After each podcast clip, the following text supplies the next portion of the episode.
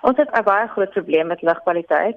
Die departement van omgewingsake wat hierdie lugkwaliteit monitor deur die hele land, so vir sê dat ons eintlik groot probleme het met goed soos jy weet stof in die lug, particulate matter soos ons dit noem in verskillende groottes, maar ook sulfur en sulke tipe goed.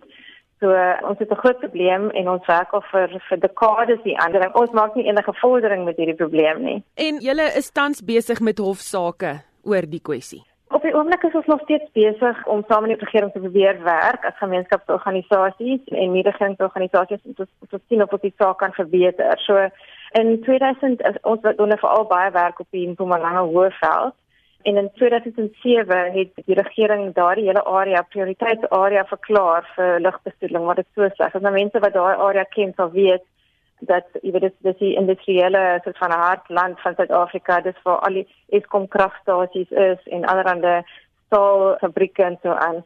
So dit is al dis baie bekend vir die slegte lugkwaliteit daar. Die ander prioriteitsarea is ook natuurlik die Val Driehoek, die area rondom vereniging Sasolburg van 'n boupark Maar ons het ook ander areas soos die Waterberg en Limpopo en natuurlik ook Suid-Durban is ook baie bekend vir vir lugprobleme daar. Maar om eerlik te wees, is die hele Gauteng 'n probleem, veral in Tshwane en Johannesburg het ook baie slegte lug as gevolg van die feit dat die goed van die ooste af toe te beweeg.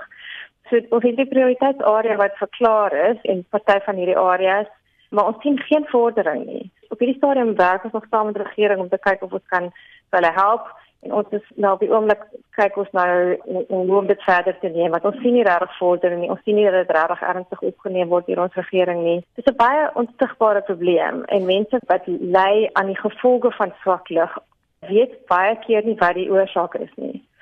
So slegte lugkwaliteit veroorsaak nie net uh, respiratoriese probleme nie. Dit veroorsaak ook goed soos longkanker hartprobleme kroniese obstruksie van die slagare beroertes Mense kan nie werk toe gaan elke dag nie want hulle is siek. Dit asma is natuurlik 'n tipiese op, jy weet, daar is baie baie probleem vir al met kinders. So al hierdie goed gebeur en dit speel uit in individue se lewens en familie se lewens. So dit dit raak nie regtig 'n uh, staat kwessie nie. Ons probeer natuurlik nou baie aandag kry hier en dat mense kan besef dit is die rede hoekom hulle die hele tyd siek is. Dit is nie net dat iets in hulle familie is nie. Dit is actually 'n probleem in hulle omgewing wat die probleem veroorsaak.